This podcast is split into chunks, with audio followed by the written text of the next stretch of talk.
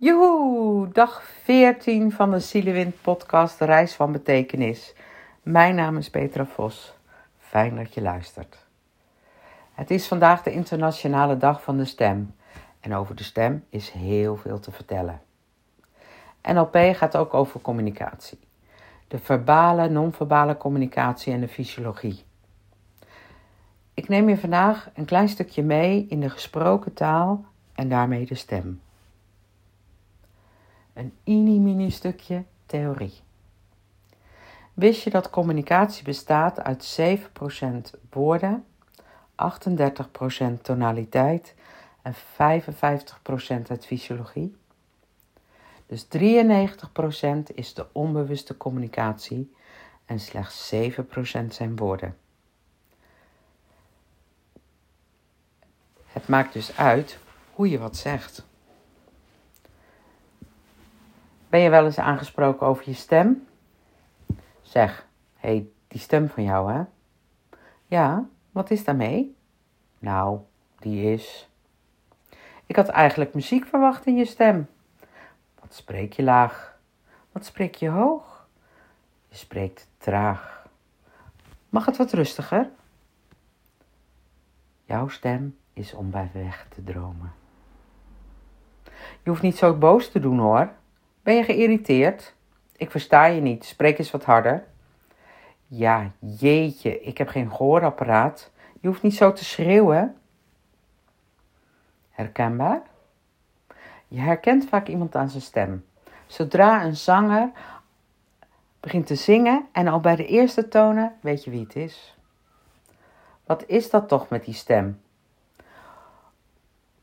Of je een stem wel of niet fijn vindt, is een kwestie van gevoel.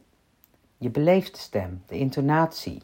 Je voelt aan in de intonatie of iemand oprecht, eerlijk of degenererend is.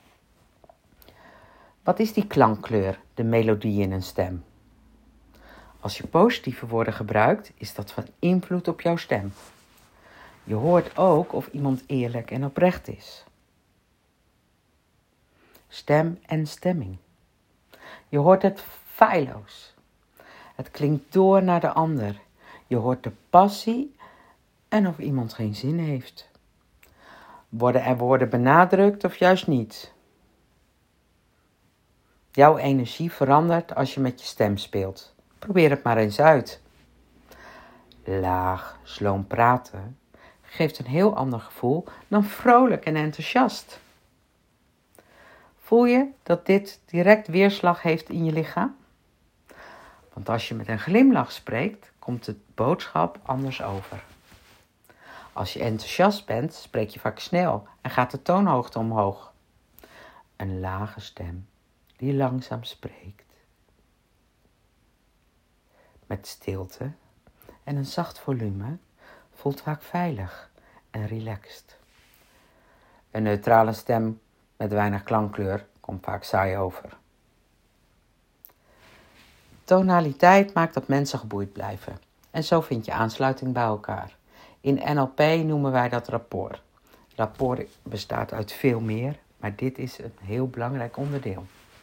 De toonhoogte, tempo, kwaliteit en volume van een stem maakt dat je iets fijn vindt om te horen of niet.